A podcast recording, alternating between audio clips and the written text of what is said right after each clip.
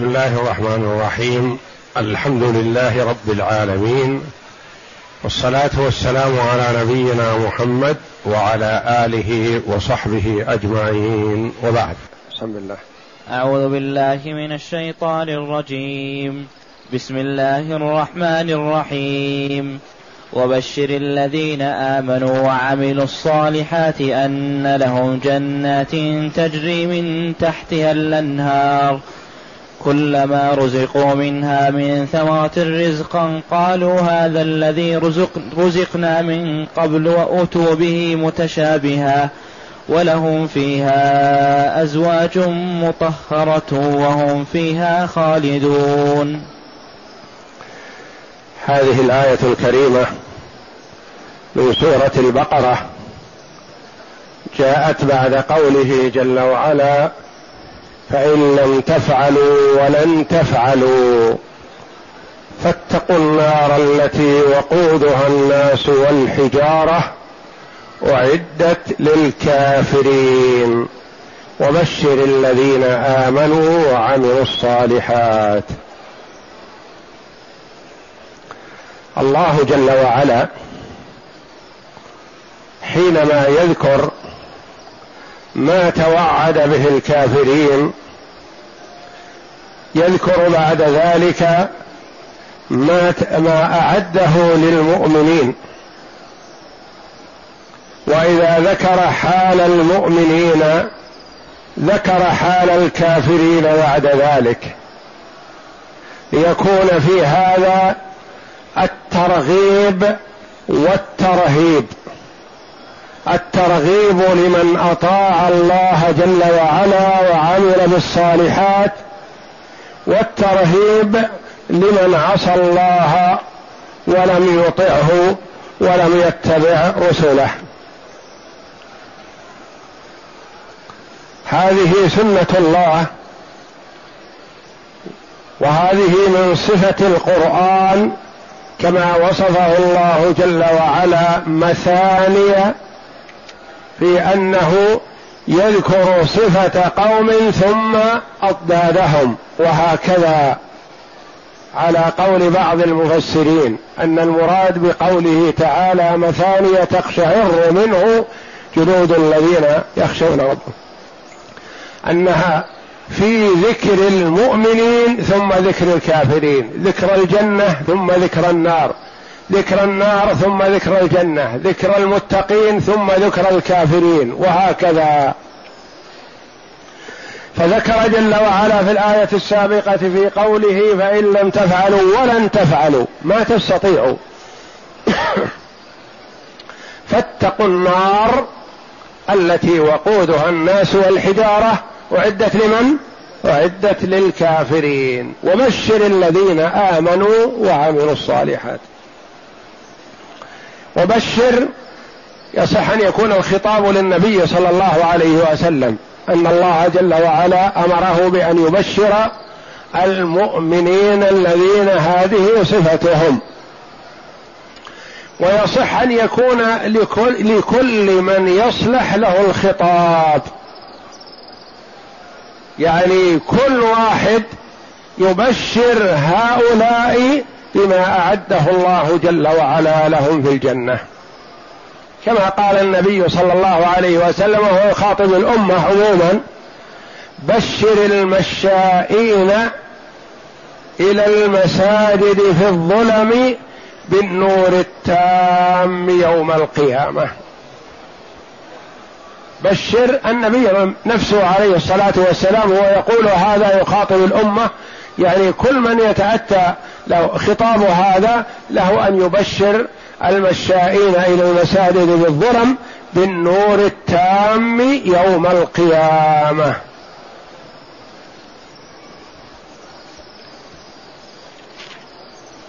والبشارة هي الإخبار بالخبر الذي يسر يظهر أثره على البشرة.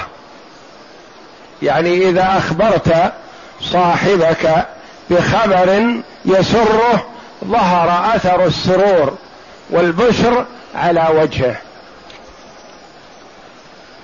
وكثيرا ما يستعمل في البشارة بالخير. وقد يستعمل في الشر في الخبر السيء الذي يظهر أثره على البشرة. قد يستعمل في ضد ذلك وهو خبر يظهر أثره على البشرة. وبشر الذين آمنوا وعملوا الصالحات. آمنوا وعملوا الصالحات. الإيمان والعمل الصالح. قد يذكرا معا كما في هذه الآية وقد يأتي ذكر الإيمان وحده ويأتي أحيانا ذكر العمل الصالح وحده. فالإيمان والعمل الصالح مثل الإسلام والإيمان.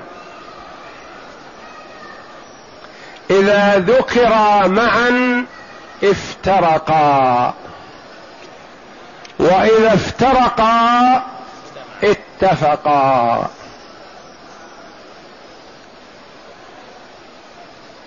إذا اتفقا معا افترقا. صار لكل واحد معنى.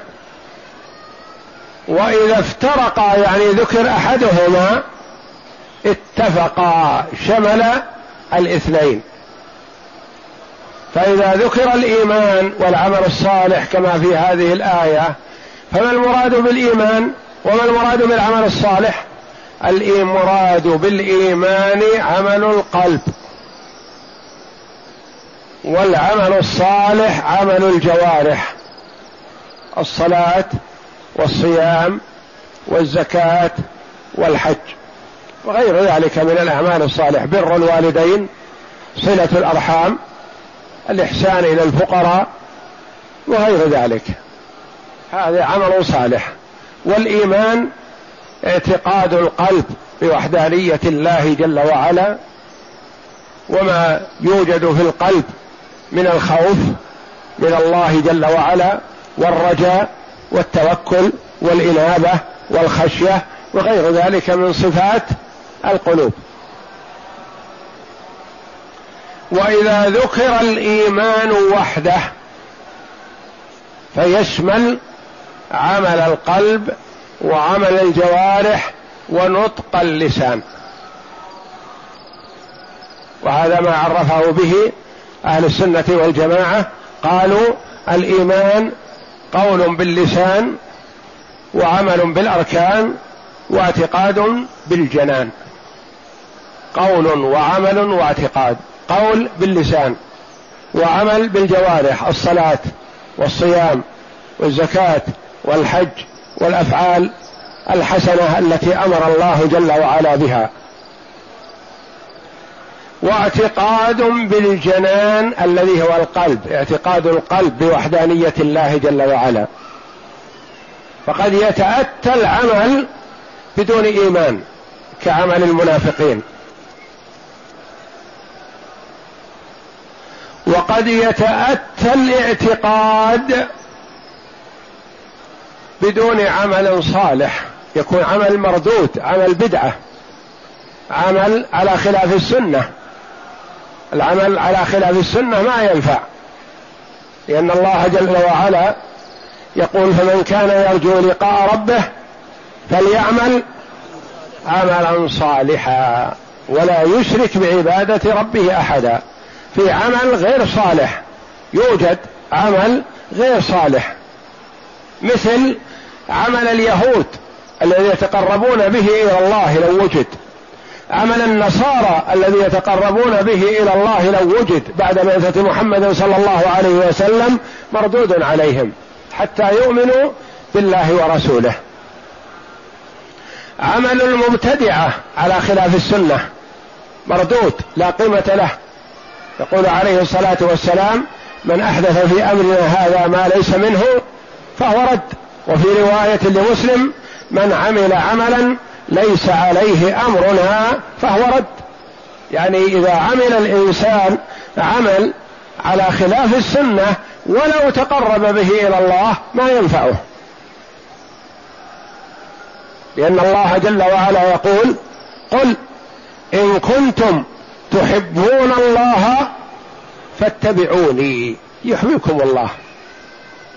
سد الله كل طريق يوصل إليه إلا من طريق المصطفى محمد صلى الله عليه وسلم.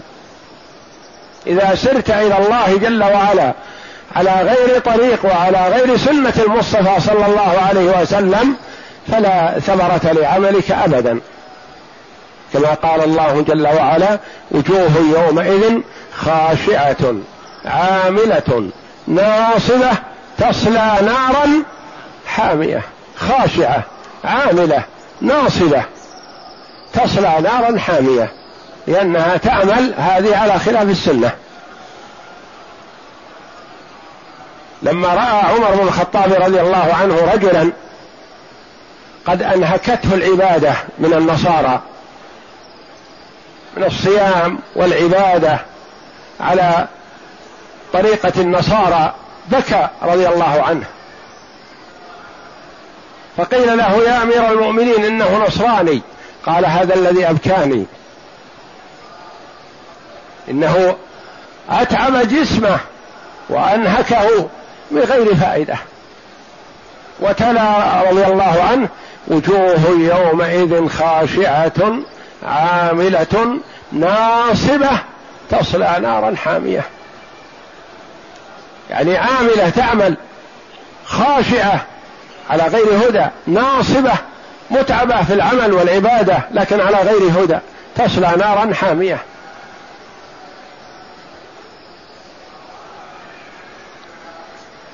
فالعمل لا يكون صالحا إلا إذا اريد به وجه الله وكان على وفق سنة محمد صلى الله عليه وسلم. ولا يتم الإيمان إلا بالعمل. وإذا ذكر العمل الصالح فلا بد أن يكون مقرونا بالإخلاص وإلا فلا ينفع. هذا معنى قول العلماء رحمهم الله إذا اتفقا افترقا. يعني اتفق ذكرهم معا الإسلام الإيمان والعمل الصالح. إذا ذكر معا افترقا يراد بالإيمان عمل القلب ويراد بالعمل الصالح عمل الجوارح. وإذا ذكر أحدهما يعني افترقا ذكر واحد منهم دون الآخر شمل الاثنين. اتفقا في المعنى. وبشر الذين آمنوا وعملوا الصالحات. فلا بد من العمل الصالح مع الإيمان. خلافا لمن يقول إذا آمن المرء بالله عمل أو لم يعمل يكفيه. وهذا لا يصح ولا يجوز. بل لابد من الإيمان والعمل الصالح. وإذا ذكر الإيمان وحده لابد معه من عمل. وإذا ذكر العمل الصالح وحده لابد له من الإخلاص وإلا فلا ينفع. وبشر الذين آمنوا وعملوا الصالحات أن لهم جنات تجري من تحتها الأنهار. هنا قال تعالى فاتقوا النار التي أعدت للكافرين. وقودها الناس والحجارة أعدت للكافرين. وهنا قال أن لهم جنات تجري من تحتها الأنهار. شتان ما بين الفريقين. أن لهم جنات والمراد بالجنات البساتين. وسميت البساتين جنة لأنها تجن يعني تستر ما تحتها. فليكون داخل الجنة ما يرى. سترته الأشجار. جنات تجري من تحتها الأنهار.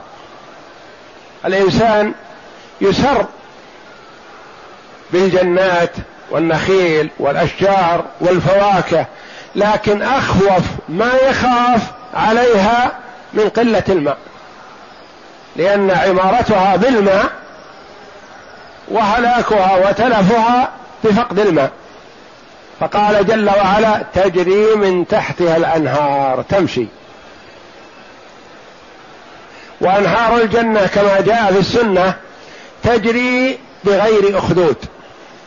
يعني ما يحفر لها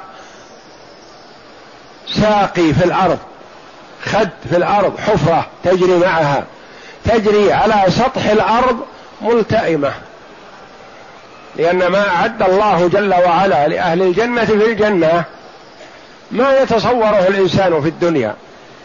لأن الله جل وعلا يقول أعددت لعبادي الصالحين ما لا عين رأت. ولا أذن سمعت ولا خطر على قلب بشر. ما يخطر على القلب نعيم الجنة لأهل الجنة أبدا. ما يتصوره الإنسان ما يستطيع أن يتصوره. تجري من غير أخدود وتجري على حسب ما يهوى صاحبها. إن أرادها تجري كذا جرت كذا. أرادها تجري في الجهة الأخرى كذلك. وهكذا. تمشي حيث يرغب صاحبها صاحب الجنة.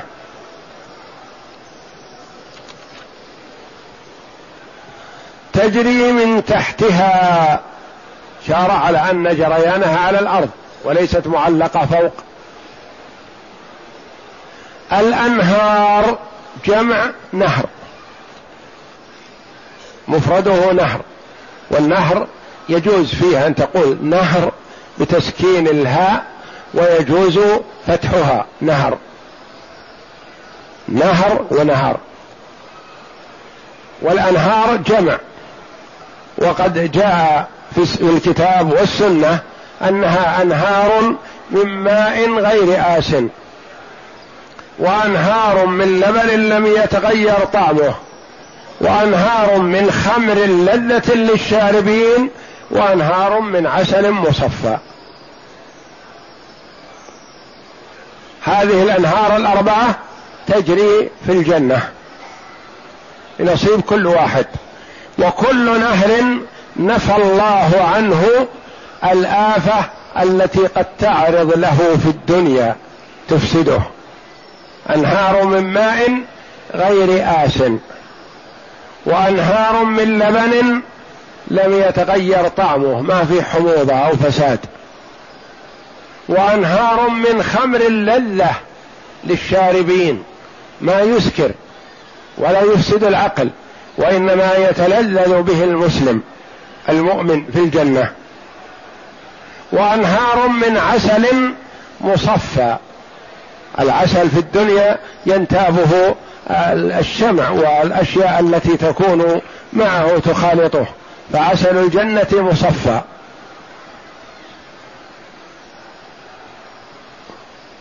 وجاء في الحديث أن هذه الأنهار تفجر من جبال المسك في الجنة.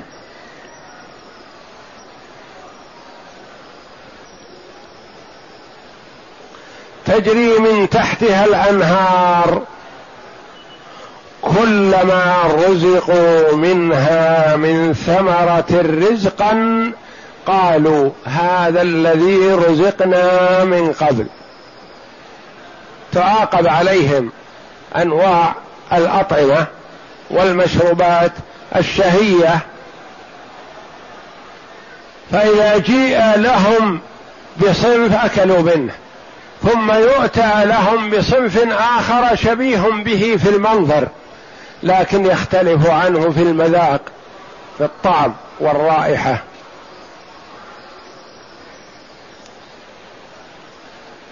يقول عبد الله للملائكة قد أكلت من هذا فيقولون ذقه فإنه يختلف عن ذاك.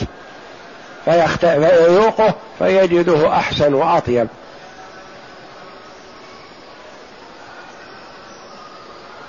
قال بعض المفسرين كلما رزقوا منها من ثمرة من رزقا قالوا هذا الذي رزقنا من قبل يقولون هذا الذي أتانا في الدنيا لكن هذا بعيد والله أعلم.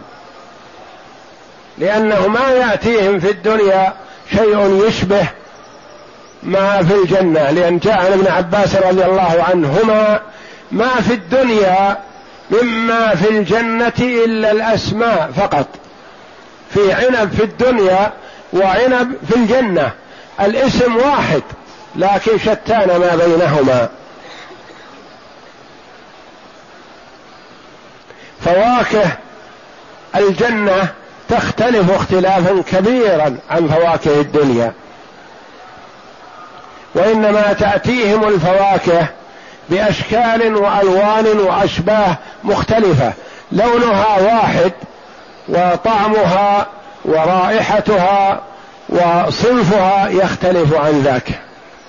تنويع لهم.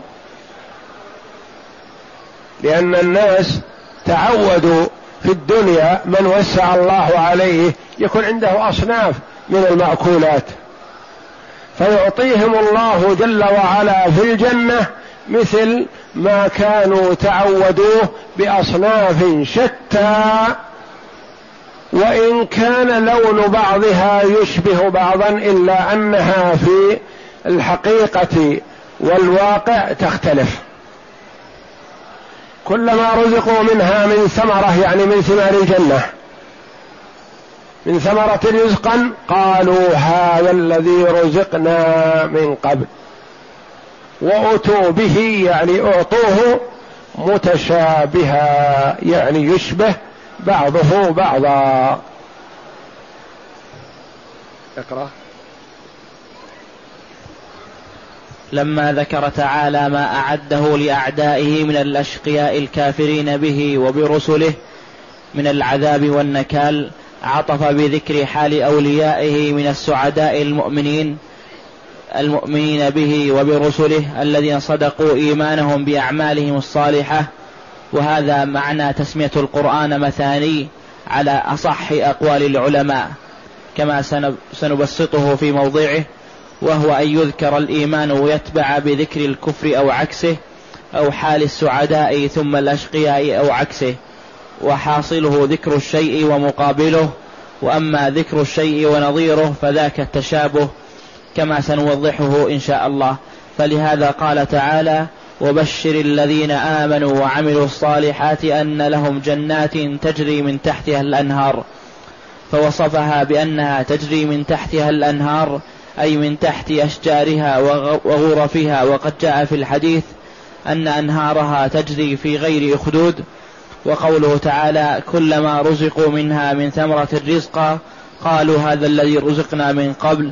قال السدي في تفسيره إنهم أوتوا, أوتوا بالثمرة في الجنة فلما نظروا إليها قالوا هذا الذي رزقنا من قبل في الدنيا. وقال عكرمة قالوا هذا الذي رزقنا من قبل معناه مثل الذي كان بالأمس. وقال آخرون هذا الذي رزقنا من قبل من ثمار الجنة لشدة مشابهة بعضه بعضا لقوله تعالى وأتوا به متشابها.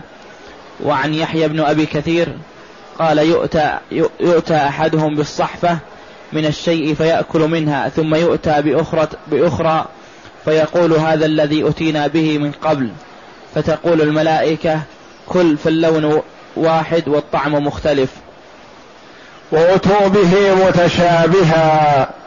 قيل في معنى وأتوا به متشابها يعني كله نقي كله جيد. بخلاف ثمر الدنيا فثمر النخلة مثلا تستخرج منه شيئا كثير من اليابس والحشف والردي ونحو ذلك. وأما ثمر الجنة فكله على أحسن ما يكون يشبه بعضه بعضا. وأتوا به متشابها ولهم فيها يعني الجنات. أزواج مطهرة زوجات من بنات آدم وزوجات من الحور العين. جاء أن لكل مؤمن عدد من الزوجات في من بنات آدم وعدد من الزوجات من الحور العين ويختلف العدد بحسب فضلهم. وبنات آدم فضلن على الحور العين اعمالهن الصالحة التي عملنها في الدنيا.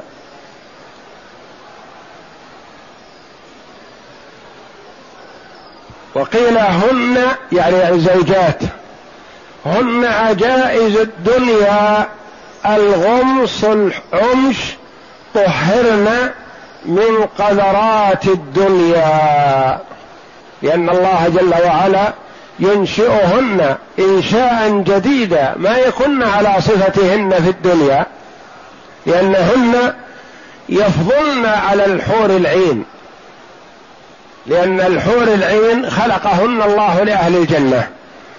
وبنات آدم كلفن بالعبادات والأعمال الصالحة فمن عملت منهن الأعمال الصالحة. دخلت الجنة تفضل على الحور العين بأعمالها السابقة. ولهم فيها أزواج. أزواج جمع زوج. والزوج يطلق على الذكر والأنثى. إلا في باب الفرائض كما تقدم لنا. في باب الفرائض نقول زوج وزوجة. لكن في غير الفرائض نقول فاطمة رضي الله عنها زوج علي رضي الله عنه. ونقول علي رضي الله عنه زوج فاطمة رضي الله عنها. وهكذا. خديجة زوج محمد صلى الله عليه وسلم ورضي الله عنها.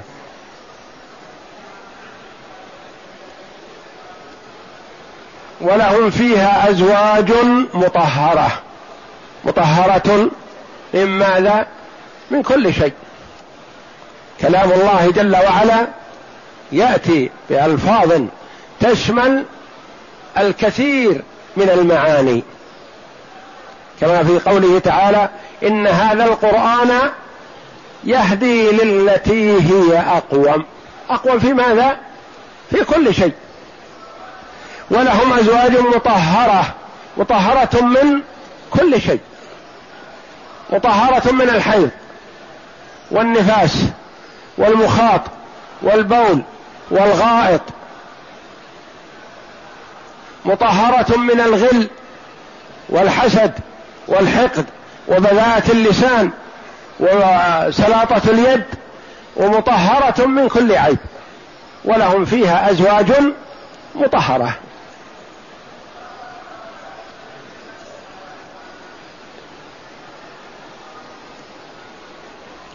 فعن جابر رضي الله عنه قال قال رسول الله صلى الله عليه وسلم أهل الجنة يأكلون ويشربون ولا يبولون ولا يتغوطون ولا يمتخطون ولا يبزقون يلهمون الحمد والتسبيح كما يلهمون النفس طعامهم جشاء ورشحهم كرشح المسك. وفي لفظ ورشحهم المسك. قد يقول قائل ما دام لا يبولون ولا يتغوطون هذا الأكل الذي يأكلون أين يذهب؟ ويحتاجون إلى أكل ثاني وثالث وباستمرار يأكلون. أين يذهب أكلهم؟ رشح وجشاء. يعني تنفس المعدة تتنفس فيذهب أثر ما فيها ثم يحتاج إلى الأكل مرة أخرى. يلهمون التسبيح والحمد كما يلهمون النفس. مثل ما الإنسان الآن عند النفس يحتاج إلى مجهود يحتاج إلى تفرغ يقول له اعمل كذا يقول لا أنا مشغول بتنفس لا. النفس يأتي تلقائيا. كذلك الحمد والتسبيح لأهل الجنة يخرج تلقائيا. هكذا وهم فيما هم فيه من لذة أو نعيم.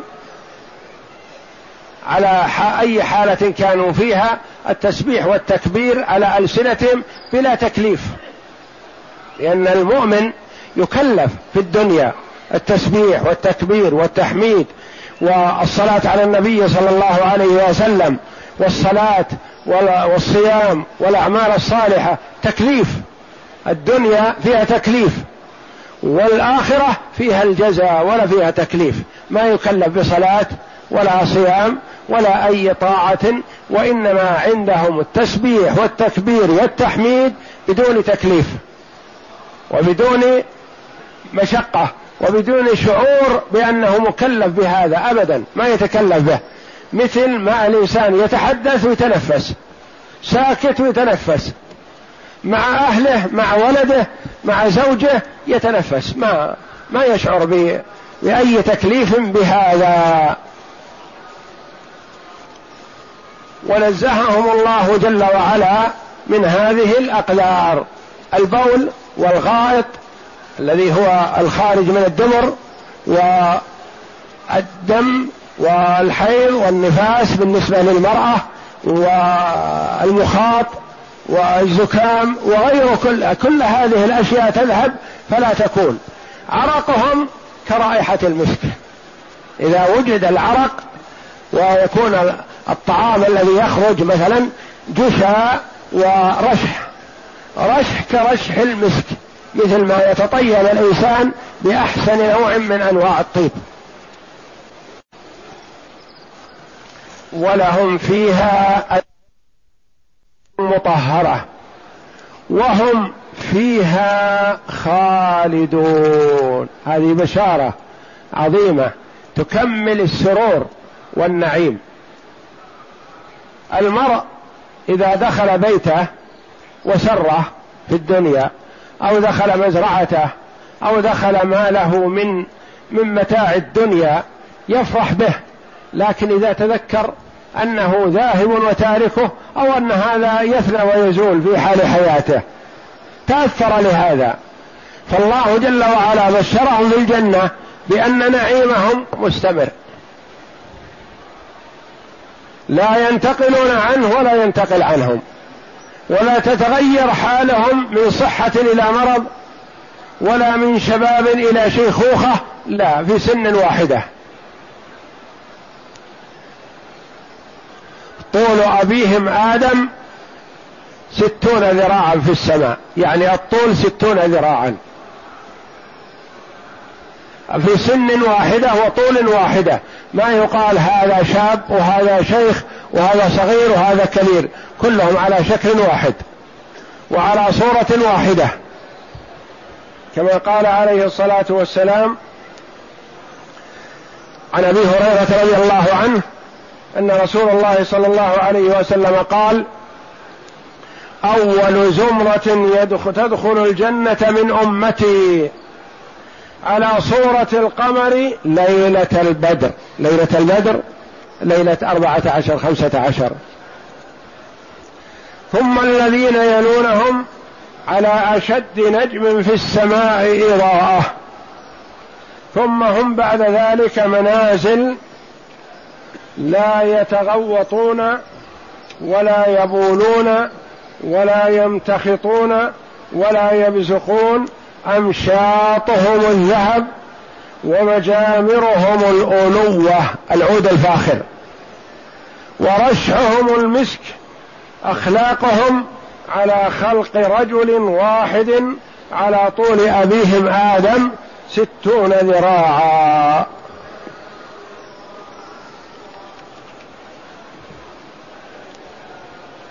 وهم فيها أي في الجنات وهذه الأنعام خالدون.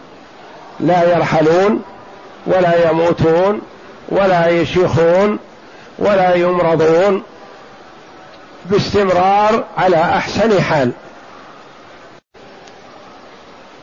فقد أخرج البخاري ومسلم وغيرهما عن أبي هريرة رضي الله عنه عن ابن عمر رضي الله عنهما عن النبي صلى الله عليه وسلم قال يدخل أهل الجنة الجنة وأهل النار النار ثم يقوم مؤذن بينهم. يا أهل النار لا موت.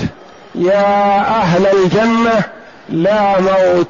كل خالد بما هو فيه. وجاء في احاديث آخر أنه يؤتى بالموت يعرض بين الجنة والنار. فيقال لأهل الجنة أتعرفون هذا؟ فيقولون نعم. كل يعرفه لأنه قد مر عليه. فيقول لأهل النار تعرفون هذا؟ فيقولون نعم. هذا هو الموت.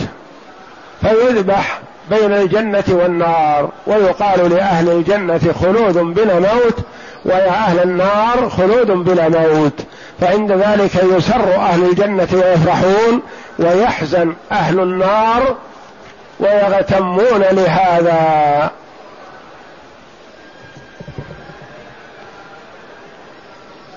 وجاء عن ابن مسعود رضي الله عنه أن النبي صلى الله عليه وسلم قال لو قيل لأهل النار إنكم ماكثون في النار عدد كل حصاة في الدنيا لفرحوا. ما دام شيء معدود لابد ينتهي لكن ما يقال لهم ذلك. ولو قيل لأهل الجنة إنكم ماكثون عدد كل حصاة لحزنوا ولكن جعل جعل لهم الأبد يعني أهل الجنة أبد الأبد فيها وأهل النار أبد الأبد فيها. والله جل وعلا بين في الدنيا مآل كل فريق فمن وفقه الله جل وعلا اجتهد في العمل الصالح وأطاع ربه ووحده واتقاه وأخلص له واتبع رسوله صلى الله عليه وسلم كان من أهل الجنة. وإن لم يوفقه الله جل وعلا بل خذله وتركه لنفسه وشيطانه ضل وغوي فصار من أهل النار بعمله واختياره. وقوله تعالى ولهم فيها أزواج مطهرة. قال ابن عباس مطهرة من القذر والأذى وقال قتادة مطهرة من الأذى والمآثم. وعن أبي سعيد عن النبي صلى الله عليه وسلم في قوله تعالى ولهم فيها أزواج مطهرة قال من الحيض والغائط والنخاعة والبزاق.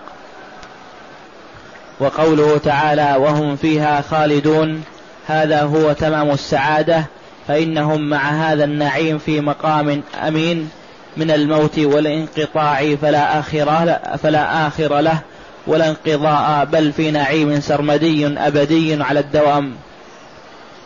جاء عن أسامة بن زيد رضي الله عنه أنه قال قال رسول الله صلى الله عليه وسلم ألا هل مشمر للجنة فإن الجنة لا خطر لها هي ورب الكعبة نور يتلألأ وريحانة تهتز وقصر مشيد ونهر مضطرد وثمرة نضيجة وزوجة حسناء جميلة وحلل كثيرة ومقام في أبد في دار سليمة وفاكهة خضراء.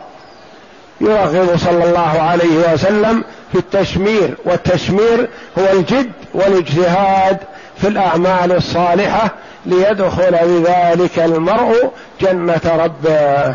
والله أعلم وصلى الله وسلم وبارك على عبده ورسول نبينا محمد وعلى آله وصحبه أجمعين.